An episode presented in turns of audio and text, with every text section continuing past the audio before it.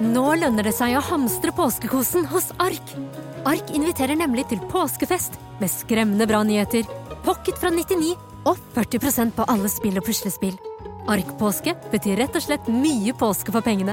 Så fyll opp med påskens favoritter i nærmeste Ark-butikk eller på ark.no. Otto og Anne tar pulsen på landet. Ja, det gjør vi. Jeg heter Otto Jespersen, og hva var det du het igjen? Jeg heter Anne Grosvold, og hver uke har vi med oss en interessant gjest. Det har vi. Otto og Anne tar pulsen på landet, hører du der du hører podkast. Ready? You have the cameras rolling? He was hosting boozy parties in Downing Street. Well, when the president does it, that means that it is not illegal. I have a dream. We will win this election and we will change the country together. Före och ett efter den 24 februari 2022. Europa, Sverige och svenska folket lever i en ny och farlig verklighet. Velkommen. Velkommen. Jeg heter Eirik Bergesen, Og jeg heter Sofie Høgestøl. og du hører på sjette episode av Det store bildet. Dette er vårt nokså uhøytidelige, veldig personlige forsøk på å se bak ukas nyheter, lete etter sammenhenger, se litt fremover, på jakt etter det store bildet slik vi ser det. Hver eneste fredag.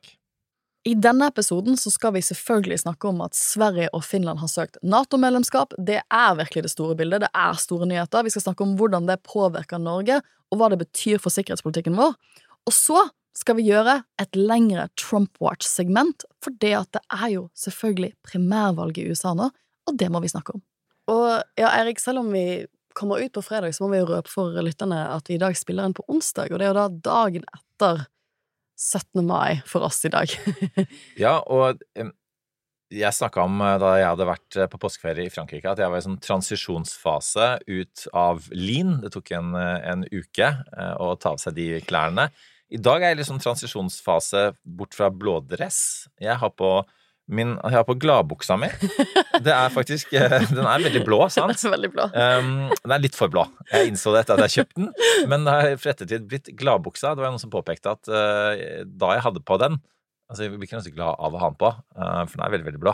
Men den er uh, Det er et tegn på at jeg er glad, altså, fordi 17. mai sitter litt i kroppen fortsatt. Ja. For en dag. Is og brus og andre brusende ting, for så vidt. eh, med, med, enda med boblete. Men jeg hadde en liten sånn eh, fin runde fra ja, en sånn bobletype frokost, uh, hvor vi spaserte gjennom eh, Vår Frelses gravlund, uh, som ligger da på Sankthanshaugen, og besøkte alle disse ulike gravene.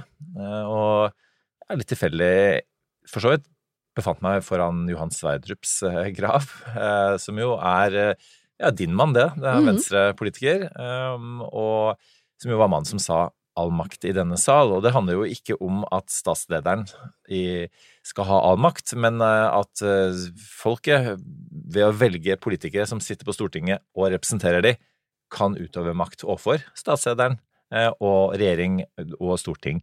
Eh, Og det er en fin ting å tenke på på 17. mai. Eh, Og så var eh, Martin Tranmæl sin grav er faktisk bare en, en stor stein. Den er ikke engang rund eller noe som helst. Ganske mye mose på den. Så det, det blir ikke mer røsla enn det, for å si det sånn. Jeg, jeg, må få lov å introdusere din Eller jeg, må, jeg skal pålegge deg en Mm. lille bilde nå. For at du har vunnet Universitetet i Oslo sin formidlingspris, og det har jeg lyst til å konfrontere deg med. Ja. For det kan ikke gå helt upåaktet hen å sitte og formidle politikk med en eh, prisbelønnet formidler. Hvordan føltes det? Det føltes veldig rart, litt, eller litt fordi at jeg um, Jeg visste ikke at jeg var nominert. Det er en ganske sånn, sånn hemmelig prosess. Jeg tror det er fakultetene som nominerer på en eller annen måte. Og så er det jo mange ansatte. UiO har jo flere tusen Ja. ansatte. Så jeg hadde liksom ikke sett for meg at jeg skulle vinne den prisen. Og så, og så ringte de under generalprøven til NOs årskonferanse, da var jeg så stresset. Så jeg har fortsatt superdårlig samvittighet for at det var en av prorektorene som ringte som jeg kjenner også, sånn er veldig hyggelig. Hun var sånn 'Hei, hvordan går det?' Og jeg var litt sånn cut to the chase, liksom. Jeg, jeg, jeg står midt i en sånn greie. Hun var sånn 'Ja, nei, da må jeg bare gå rett på sak, da'. Gratul altså, gratul så jeg følte jeg ødela hele gratulasjons... Uh, gratulasjonssamtalen. uh, med å være litt småstresset og, og frekk. Så ja, nei, det er veldig, veldig hyggelig. Jeg gleder meg veldig til uh, det, prisen blir utdelt under eh, um, Universitetet i Oslo sin bursdag, som er 2. september. Og denne fikk du for uh, å delta overalt uh, med å prate om faget ditt, og, og trekke litt uh, store sammenhenger ut ifra det. Mm. Um, For podkasten burde vært pensum, Sofie Kupper Norge, og oppå alt dette her, antageligvis etter at du ble nominert, så har vi begynt med dette. Vi har begynt med dette. Så, så det, er, det er jeg veldig glad for. Ja. Jeg, liksom, men jeg har tenkt mye sånn Denne fredagen, denne podkasten kommer ut, 20. mai, så er det også akkurat tida på dagen siden min graduation fra Georgetown Law. Så jeg sitter i dag med eh, min Georgetown Law-T-skjorte. Representing. Um, og det har jo fått meg til å reflektere mye over alt som har skjedd de siste ti årene, og hva jeg trodde kanskje dette tiåret skulle bringe som det ikke har, som ikke har kommet. Da. da føler jeg at vi begynner å bevege oss godt inn i det store bildet her, Eirik. For hvis du hadde sagt til meg for ti år siden, da jeg gikk ut av universitetet med masteren min, at Sverige og Finland skulle søke Nato-medlemskap ti år senere, så hadde jeg nok ikke trodd det. Nei, og, og det er faktisk eh, Det er blitt en sånn der eh, kjennetegn i denne poden at vi flere ganger har sagt sånn Hvis du hadde sagt til meg for så og så mange år siden eh, Og det jo en, peker jo nettopp på at eh, verden er i så forferdelig stor endring på så forferdelig kort tid, eh, med forferdelige ting for øvrig. Og kanskje den beste måten å oppsummere det på er den svenske statsministeren som sa at det finnes et før og et etter 24. februar 2022 vi har en ny og farligere virkelighet der. Og det er jo det eh, Sverige og Finland har respondert på. Så er spørsmålet om, det skal vi komme litt tilbake på, om alle norske partier og aktører har respondert eh, like På dynamisk på denne nye, fullstendig nye utfordringen. Men altså vi, mens vi feiret vår uavhengighet, samme dag så møttes Finland og Sverige og ble enige om å søke Nato-medlemskap. Så dramatisk eh, er det.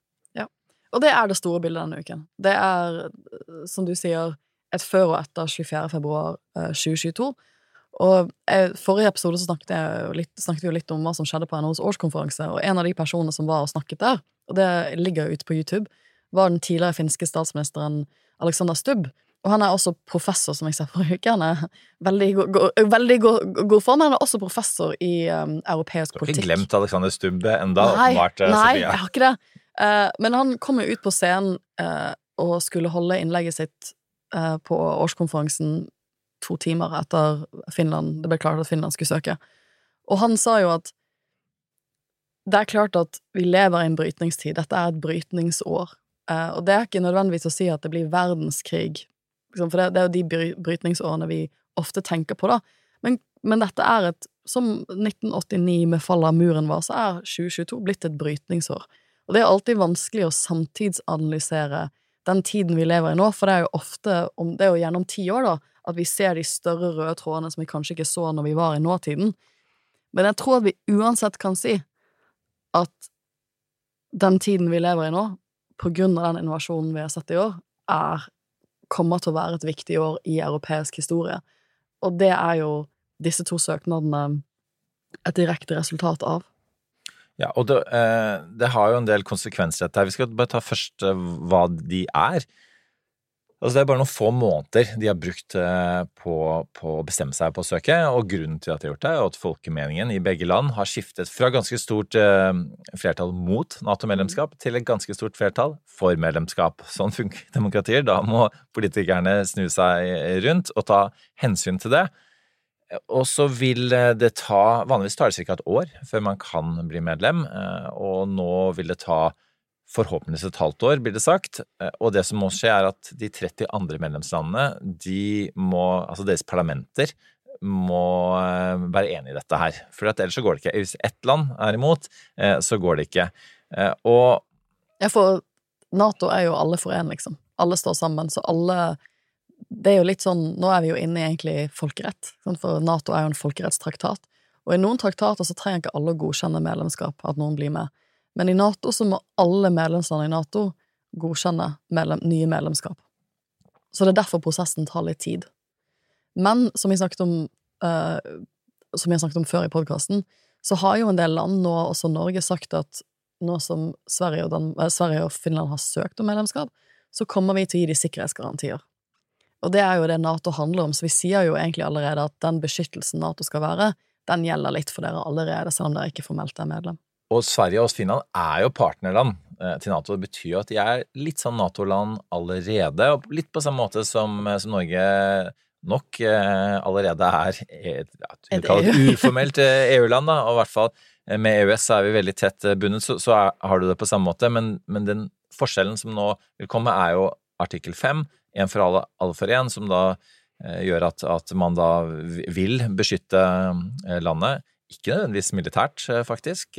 Man kan gjøre det på andre måter, men man måtte gi en type sånn sikkerhetsgaranti, da. Ja, det betyr at hvis Sverige eller Finland skulle bli angrepet, så skal alle Nato-medlemmene stille opp. Det er, det, det er jo det som er kjernen av Nato. Det er derfor vi har Nato. Og så er det mange som lurer på vil et av landene nå Protestere. Eh, protestere. Eh, og et av de landene som har meldt seg på banen, det er jo da kanskje ikke helt uventet Tyrkia. Um, og nå skal jeg uttale navnet hans riktig, uh, fordi Tyrkias leder, eh, som jeg faktisk havnet Jeg havnet på Kveldsnytt en gang uh, og fornærmet han. Eh, fordi det hadde en tysk komiker, Jan Bøhmermann, eh, gjort, så tenkte jeg at det kunne jeg også gjøre.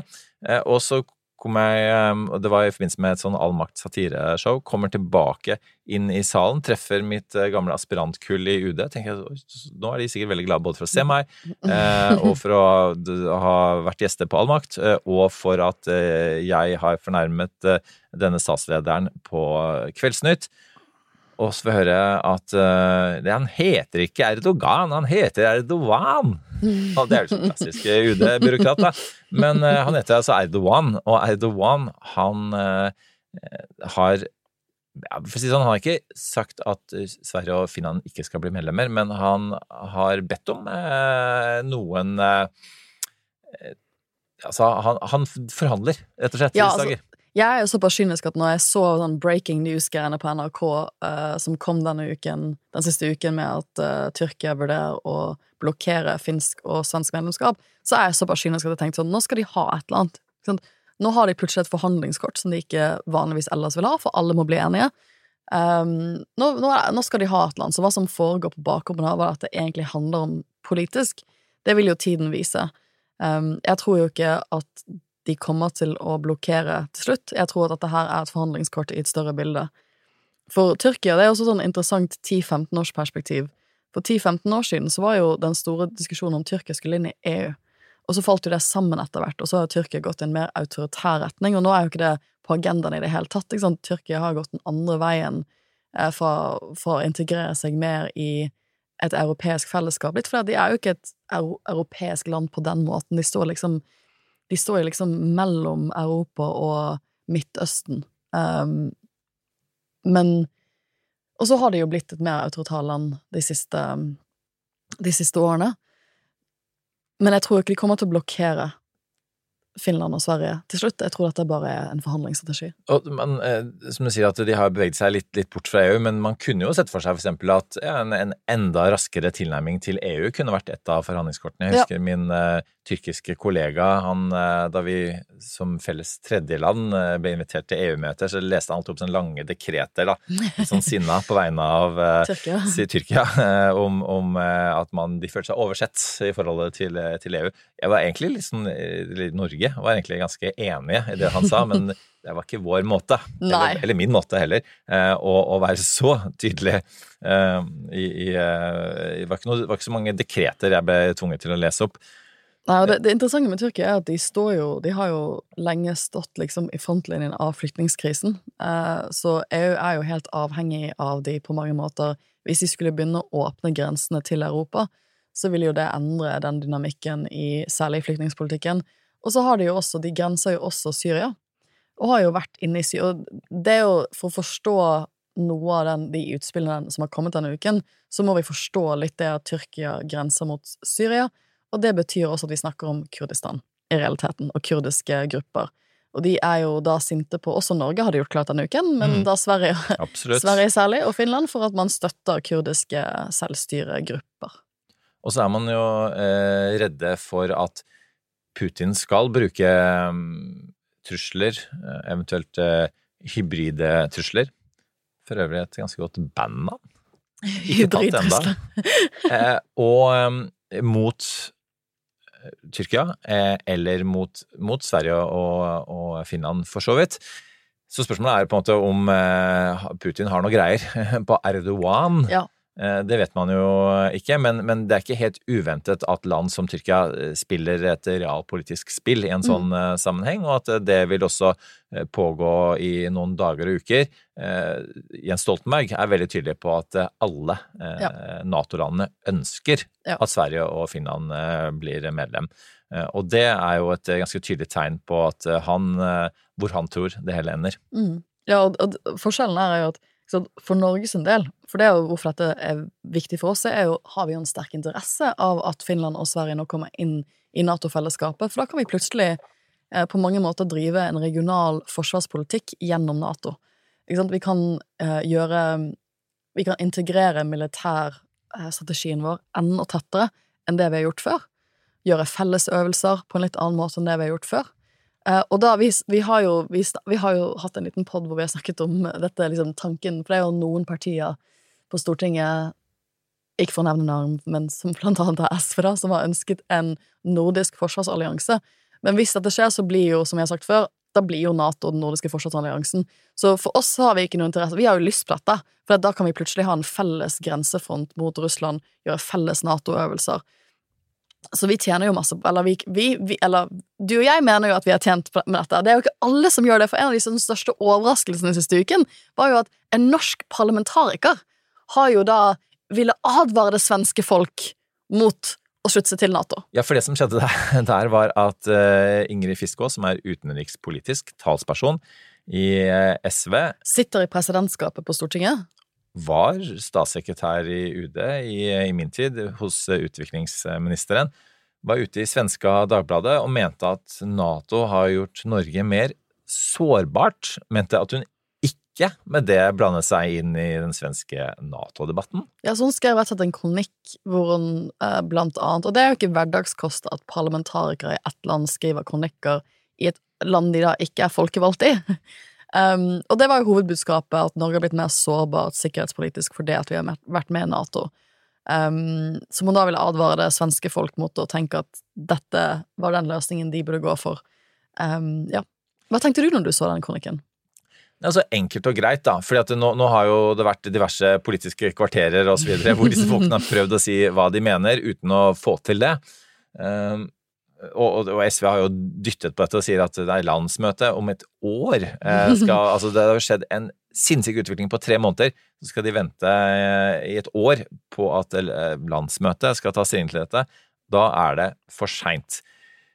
Det jeg lurer på, helt rent praktisk og realpolitisk, er betyr dette at SV og eksempel Rødt skal stemme mot svensk og finsk medlemskap i Nato i, på Stortinget? Ja. For det, er jo det som vi sa i stad, Ja. det er spørsmålet. Det er jo prosessen, ikke sant. Vi som disse andre Nato-landene må jo stemme over dette på Stortinget, og det, liksom, og det er jo det, det blir veldig spennende uh, å se hvordan de to partiene Hva velger tror du det ender? Ja, ja, altså, Du er jo parlamentariker. Hva, hva gjør parlamentariker i sånn situasjon? Varaparlamentariker Vel, det, jeg, jeg kan forstå at det er vanskelig, for når når du blir folkevalgt, så blir du jo folkevalgt på et partiprogram. Og det tenkte jeg mye på når jeg, de fire, eller de fem-seks ukene jeg var på Stortinget. Så tenkte jeg sånn Min jobb er å gjennomføre så mye av det partiprogrammet som jeg kan, for det er det, det, vi har lovet velgerne.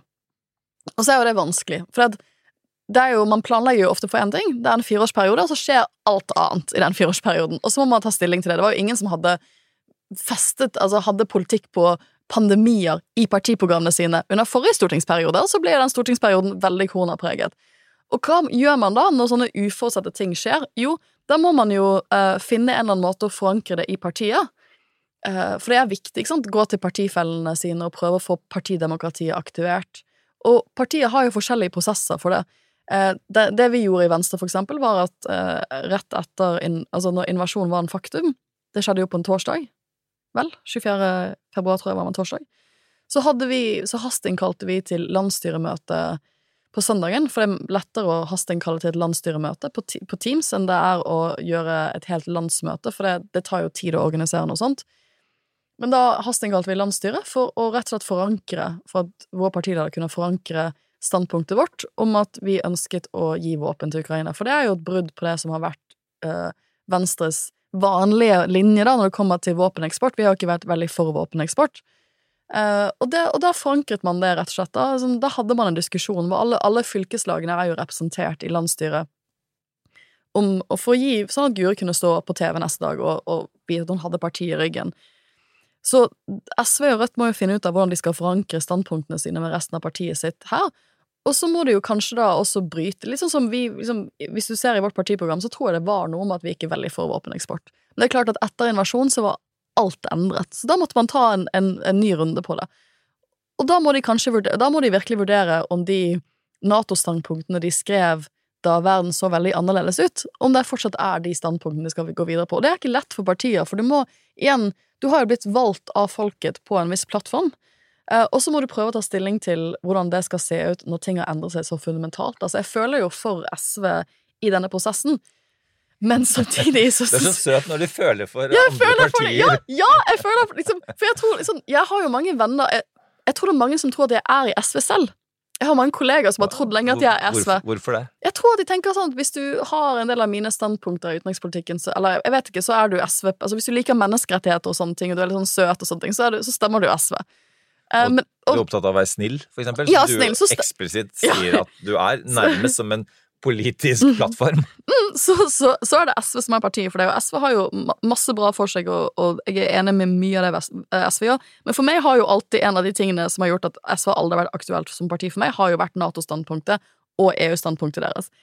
Men, øh, men jeg tror at for mange den biten av partiprogrammet har jo ikke vært oppgitt i- i offentligheten til diskusjon. Jeg det, jeg har mange venner som stemmer SV, ikke, og som er for Nato-medlemskap. For det, det er jo det som er problemet til SV, at de har jo meningsmålinger nå som viser at det er ganske stor oppslutning blant SV-velgere som er tilhengere av Nato. Ja, for den, Hvis vi prøver å sette oss inn i deres situasjon, da, så um, hvorfor de tenker og sier og oppfører seg sånn som de gjør om dagen, så handler jo det blant annet om at eh, ja, medlemmene Medlemmene er jo faktisk ofte lengre til venstre enn enn de som sitter på Stortinget, mens velgerne eh, er ofte lengre til høyre. Og, og, og det er litt en, en skvis man ender opp med, og, og som man også eh, gjør nå, fordi at eh, på meningsmålingene så sier SVs velgere at de ønsker eh, Nato-medlemskap. Og så kan man si at og hvis man igjen da eh, prøver også å se hvorfor er det Ingrid Fiskå og, andre ehm, som ikke har endt på en eller annen sånn rar mellomposisjon med at vi er for Nato-medlemskap nå, men kanskje ikke seinere. Altså nå når det er krig, men kanskje ikke i fred. Så handler jo det om, om at eh, man føler jo at, at Nato er blitt brukt i såkalt out of area-kriger, altså noe som ikke handler om å forsvare eh, Natos grenser i seg selv. Man har eh, la oss si det sånn, svært blandede og svært negative eh, erfaringer både i Afghanistan eh, og Libya. Krig ender ikke alltid sånn som man så for seg, for å si det sånn, for det var gode hensikter bak, eh, sånn sett. Um, og, og, og for Russlands del så handler det også om, om Balkankrigen og Natos angrep på, på Serbia osv. Og, og, og det, det skal man ikke legge vekk, og det er jo litt det store forsvarspolitiske bildet som jo tross alt SV ønsker da, å bruke dette året sitt på å gå gjennom. Det skal de få lov til å gjøre, men eh, ting har endret seg veldig raskt. og Og de må jo ta stilling til hva de skal stemme i Stortinget, som du sier. Men, men igjen, for å forstå dette, så må man også forstå hvor partiet kommer ifra. For, og SV er jo som parti skapt til dels på Nato-motstand.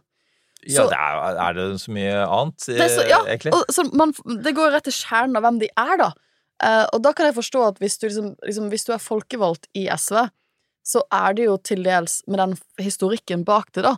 Og det å plutselig skulle gå mot det, eller skulle liksom måtte stemme mot det, selv om du kanskje vet at velgerne dine egentlig liker Nato, det er vanskelig, for partier er jo en sånn rar blanding av historie og kultur og de personene som er aktive.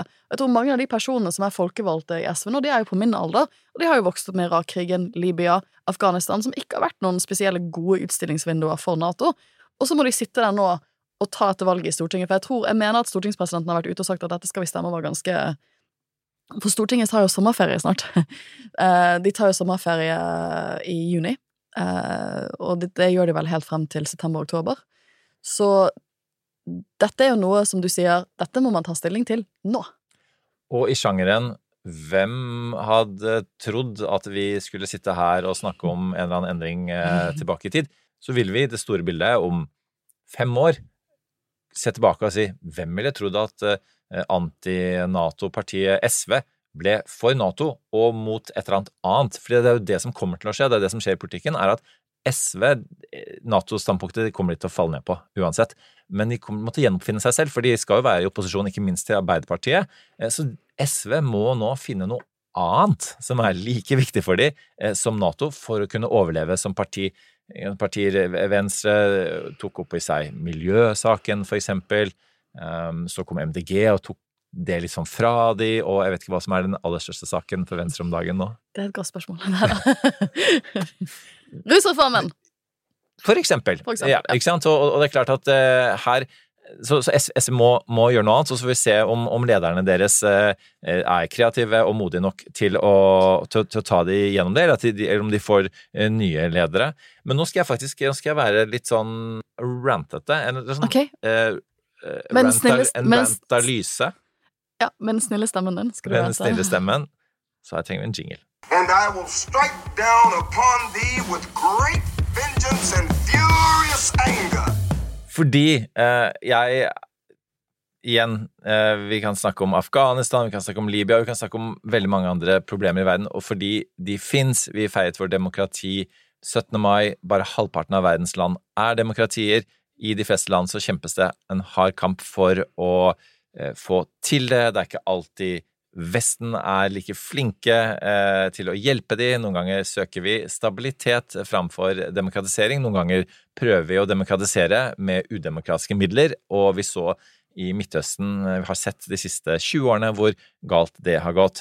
Men eh, altså, igjen, 24. februar 2022 så endret verden seg, og den trusselen vi ser foran oss nå, den er hybrid, den er konkret, den er livsfarlig i den forstand at motstanderen vår, Russland, har 6000 atomvåpen. Eh, De, det kan ikke være tydeligere hvem eh, som allerede nå er den moralske vinneren. Det kan ikke være tydeligere for, for oss alle hva som er eh, hva, hva Putin tenker, hva som har skjedd på bakken. Jeg hørte en, medieviter snakke om at det hele befolkningen nå vet om hva som skjer i Ukraina, det er mer enn den amerikanske presidenten visste om hva som skjedde i Vietnam. Altså enorm informasjonstilgang. Vi har etterretningstjenesten som har vært helt åpne om sin etterretning, også før dette skjedde. Det viste seg å stemme denne gangen. Det ikke alltid etterretningstjenester har så bra track record på dette. Eh, bottom line, eh, vi dette er noe helt annet. Det er ikke bare at vi føler eh, at dette er veldig nært oss, dette er veldig nært oss. Vi grenser til Russland. Etter at Ukraina-krigen er over, så kommer vi fortsatt til å grense til Russland eh, for resten av eh, vårt liv. Og det er klart at det, jeg skjønner at det gjør oss litt usikre, det, og, men, men, det bør ikke være noe tvil om at dette er den saken vi er nødt til å reise oss på. Dette er annerledes fra Sorry, SV og Rødt, dere gjentar det igjen og igjen og igjen. Eh, Men det er annerledes fra eh, andre problemer i verden og andre ting. Nato har vært involvert i andre ting Norge har vært involvert i, eh, og, det er det dere nå står overfor og må bestemme dere for nå, eh, og ikke om et år. Ja. Uh, ja, og det, det er jeg har, en, jeg har jo masse kule kollegaer som er forsker, som er, som forsker på statsvitenskap og demokratier og sånne ting, og um, autoritære regimer. Og en del av de har sagt siste ukene at det er jo ofte ingenting farligere enn en stormakt på hell. Og det er jo det Russland er. De har vært en stormakt. Eh, så har vi glemt at de så, så har de blitt mindre etter murens fall, men de har fortsatt lyst til å være en stormakt. Og da gjør man dumme ting. Eh, og, og da er man farlig, da, da er man en trussel. Den, den imperietanken til Putin, den tanken om å gjenoppbygge Sovjetunionen, denne russiske innflytelsessfæren, det er en trussel som kanskje min generasjon, som ikke husker den kalde krigen noe videre, ikke har tenkt så mye på. For det er liksom tikket og gått i det sakte og stille eh, uten at vårt fokus har vært på det. Um, men nå er det tilbake for fullt, og da må vi tilbake til, dessverre, tilbake til um, å se på den sikkerhetsalliansen som noe annet enn det vi har gjort før. For jeg tror mange i min generasjon og meg også for så vidt Altså, jeg forsker jo på krigsforbrytelser og altså den type forbrytelser som skjer i krig. Og jeg skulle så ønske at vi var i en pasifistisk verden. At jeg kunne være pasifist. At, uh, at uh, vi ikke trengte en sikkerhetsallianse av denne typen, uh, hvor vi er beskyttet av en stormakt i form av USA. Men den krisen vi står oppi nå, viser at det er ikke svaret. Pasifisme er ikke mulig akkurat nå.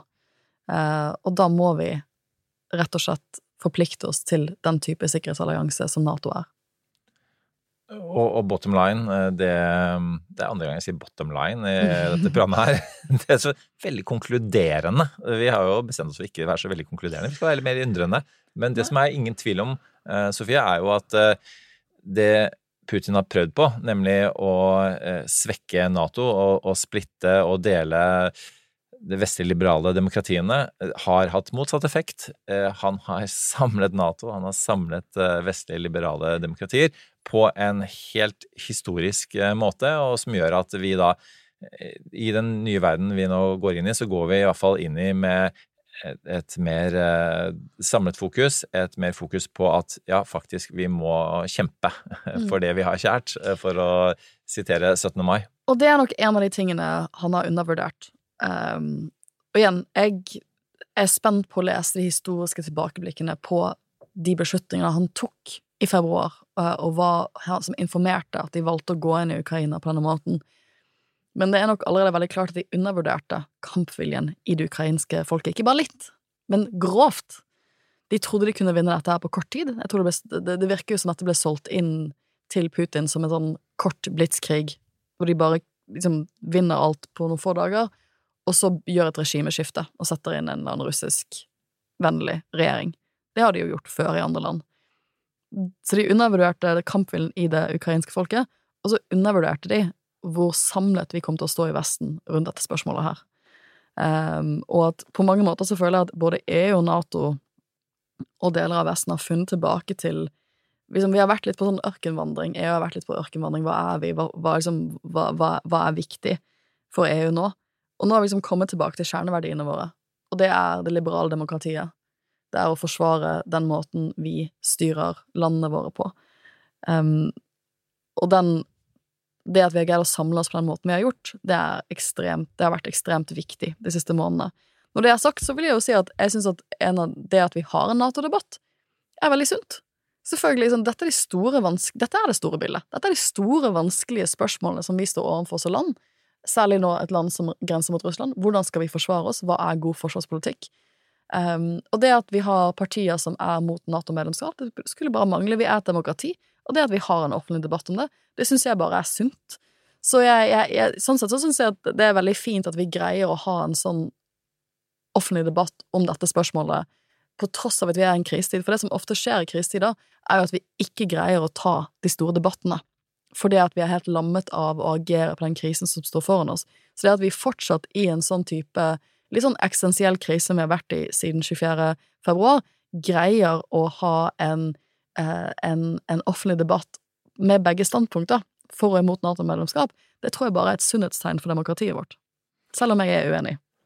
Her tror jeg faktisk jeg fant en liten eh, bro, jeg. En, en gyllen bro, som det heter i krigsteorien, til det neste temaet vårt. Og fordi Ram Emanuel, eh, som har eh, jobbet eh, tett med Obama, var borgermester i Chicago, sa at 'never waste a good crisis'. Så det er i krise vi skal se på det store bildet og gjenoppfinne politikken vår. Så vi skal til USA, og i USA er det fortsatt én mann som kaster sine skygger, nemlig Donald Trump. Quiet, quiet, quiet. You are a rude, terrible person. Ja, for vi har jo ikke hatt Trump-watch på en stund. Eh, eller vi har ikke hatt Vi har nevnt han stadig vekk Vi har nevnt han stadig vekk, men vi, vi hadde, nå skal vi faktisk hvile tid til han. For det, det som skjer i USA nå, det er jo at den lange oppladningen til mellomvalget i november er i gang. Og det er i gang ved primaries. Det kan vi jo sammenligne med nominasjonskamper i det norske demokratiet. Hvor du eh, hvor, Men liksom, i det norske demokratiet så er jo nominasjonskampen internt i partiet. Ikke sant? Du slåss med andre personer om å komme høyt opp på listen, og så er det lokallagene som velger listene sine. Men i USA så har man jo en litt annen prosess, hvor det ikke er like partistyrt. eh, hvor du da Den første steget inn i Kongressen hvis du har lyst til å bli folkevalgt, det er å stille i primaryen og vinne nominasjonskampen om å bli ditt partis kandidat. Og denne uken så hadde en del viktige sånne swing states, som vi kaller de, eh, eller vippestater på godt norsk, eh, sine primaries, sine nominasjonsvalg. Eh, og da har jo et av de gjen, gjen, gjennomgående spørsmålene knyttet til de nominasjonskampene, er jo hvor viktig er Trump? Er Trump fortsatt en kingmaker?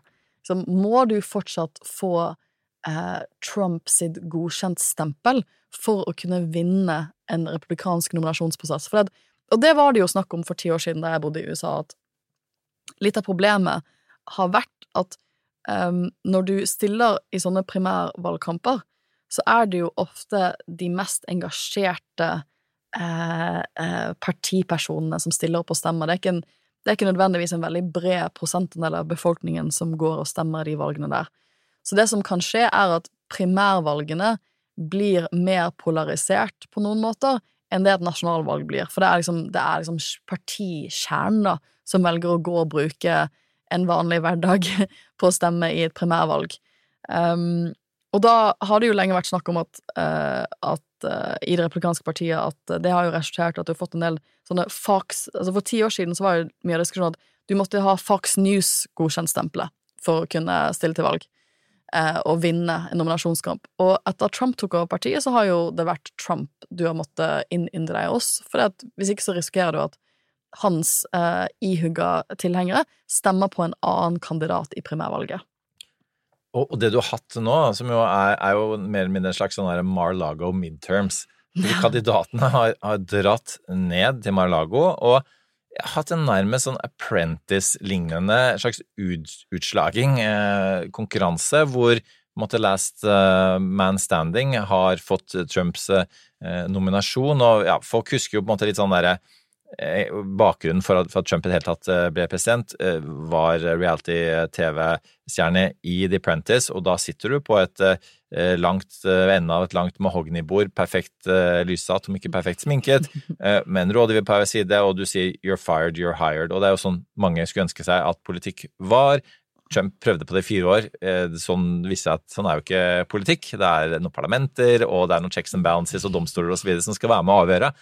Men det er jo det han fortsetter med, og, mm. eh, og, og, og, helt absurd så er det jo sånn at man har jo eh, Altså den ene kandidaten etter den andre er mer eh, Trump enn ja, eh, Trump. En Trump. Eh, og, av, av, og de, veldig mange av de som måtte, Trump har da gitt sin tilslutning til, har vunnet. Og i de tilfellene hvor de ikke har vunnet, så har det faktisk vært mer trumpske kandidater eh, som har vunnet. Men nå, med disse svingstatene, så begynner vi også å se litt Vent nå litt. Er egentlig Eh, dette så tydelig eh, som, som, vi har grunn til å tro. Ja. Og hvis det viser seg nemlig at flere eh, Trump-kandidater taper, vel, så vil jo, er det noen som får med seg det, så er det republikanske partiet. Og da har de eh, noen måneder før valget, men ikke minst eh, to år da, pluss, i presidentvalget til å snu seg i en annen retning eh, fra Trump. Ja, for det som skjer etter primærvalg, eller det som skjer etter mellomvalget i november, det gjør meg litt småkvalm å bare si det, er at da begynner egentlig presidentvalget. Da begynner det lange presidentvalget for 2024.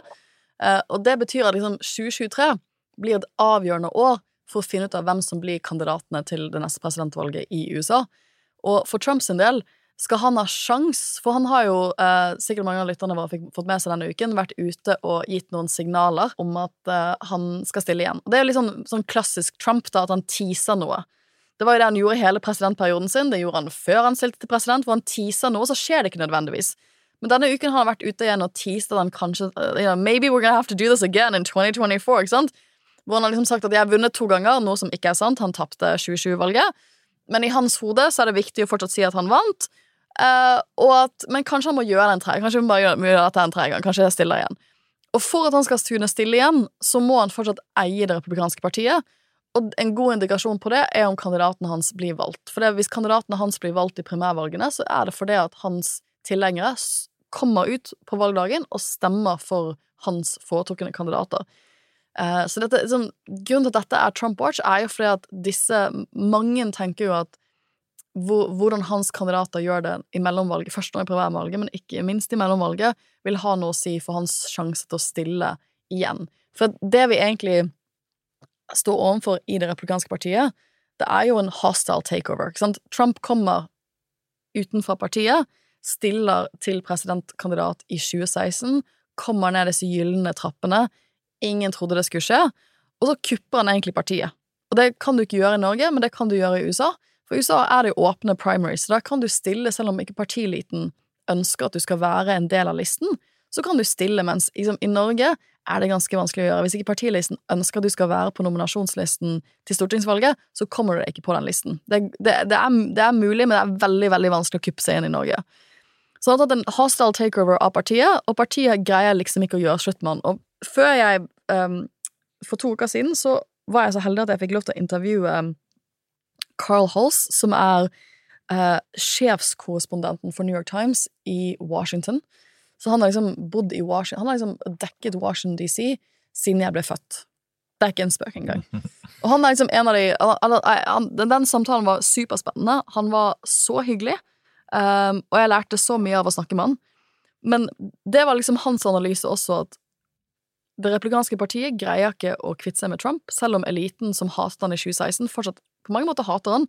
Hans analyse var at det er jo ingen senat... Kanskje noen i Underhuset i Kongressen men det er jo ingen senatorer som egentlig tror på at han vant valget i 2020. Ingen, er, de tror jo ikke på det.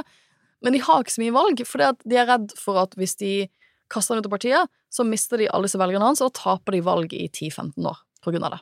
Og, og det er jo de, de uh, få tingene som Trump er opptatt av når han har disse Mar-Lago uh, mm. midterms uh, og kjører sin apprentice-lignende um, runde med kandidatene, er Én, hvor mye penger har du samlet inn? To, hvordan ligger du an på meningsmålingene? Eh, og tre, eh, mener du at eh, valget var stjålet fra meg eller ikke? Ja. Og, og, og da elsker han jo selvfølgelig kandidater som snur seg rundt og på en måte tidligere var imot han, som nå er foran, for det viser jo hvor mye makt han har. JD Vance er jo en av de. Eh, som, eh, som, vant i Ohio eh, etter å ha støttet Trump, men på et tidligere tidspunkt kalte Trump for en Hitler. Vi skal følge med. Dette er ikke siste Trump Watch. Tvert imot, jeg tror vi er i begynnelsen av Trump Watch-season av det store bildet. Og da er vi klare for ukas avkobling og påkobling.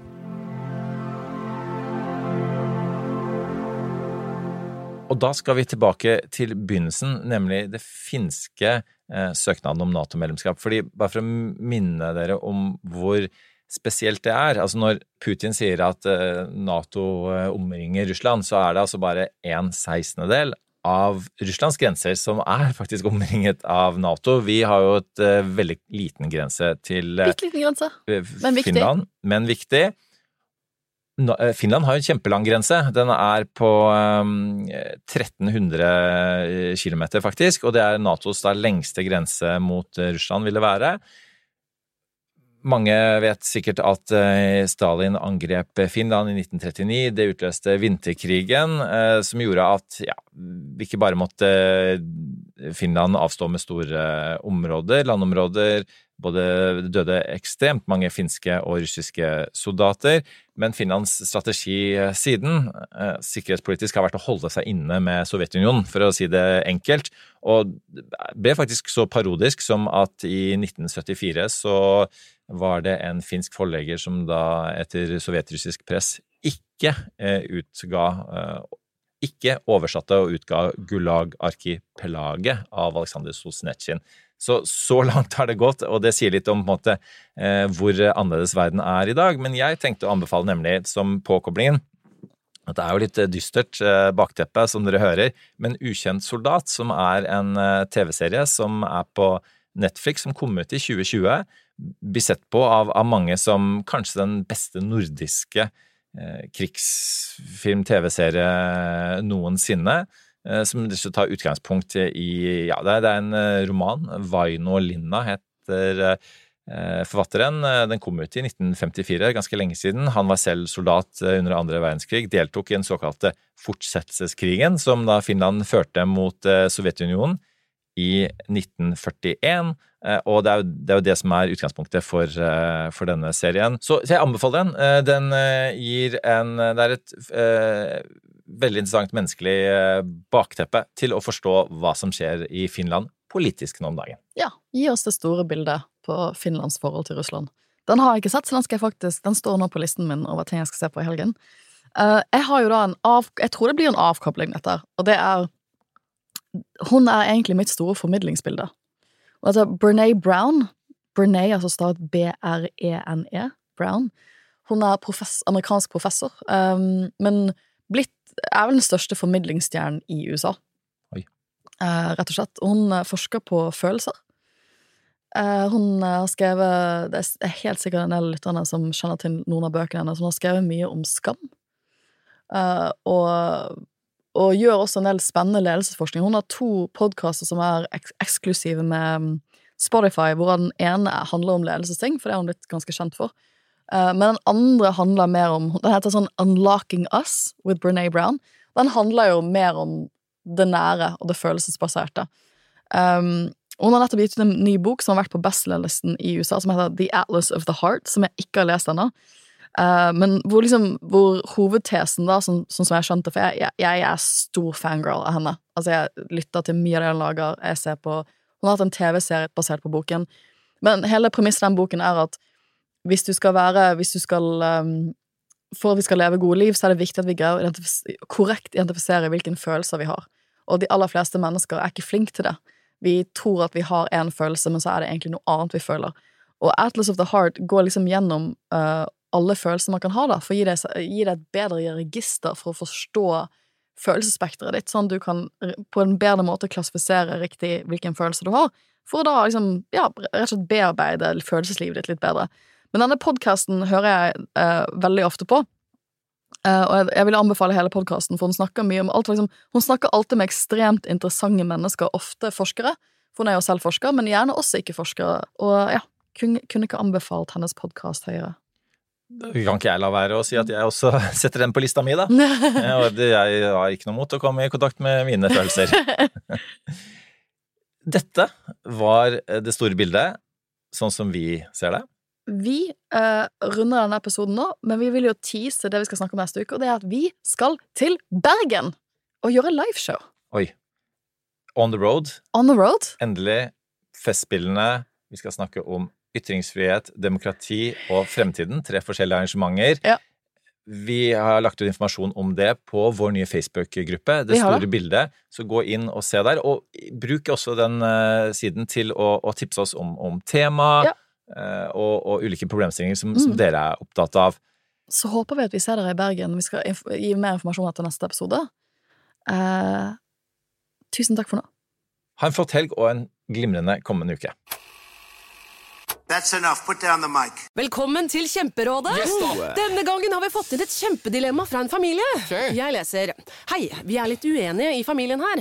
Hvis du skulle vært et dyr, ville du hatt gjeller eller vinger? Oi, den er tricky. Ja, Hva ville dere hatt, da? Altså, jeg vet ikke, men Med familierabatt får du ubegrenset data fra Telenor fra 399 kroner. Da kan du scrolle seg til svaret, rett og slett. Ja, ok, Men for min del Ja. Nei, Nei, nei, nei, vinger. Nei, nei, Ja, okay, ja, Kjempebra.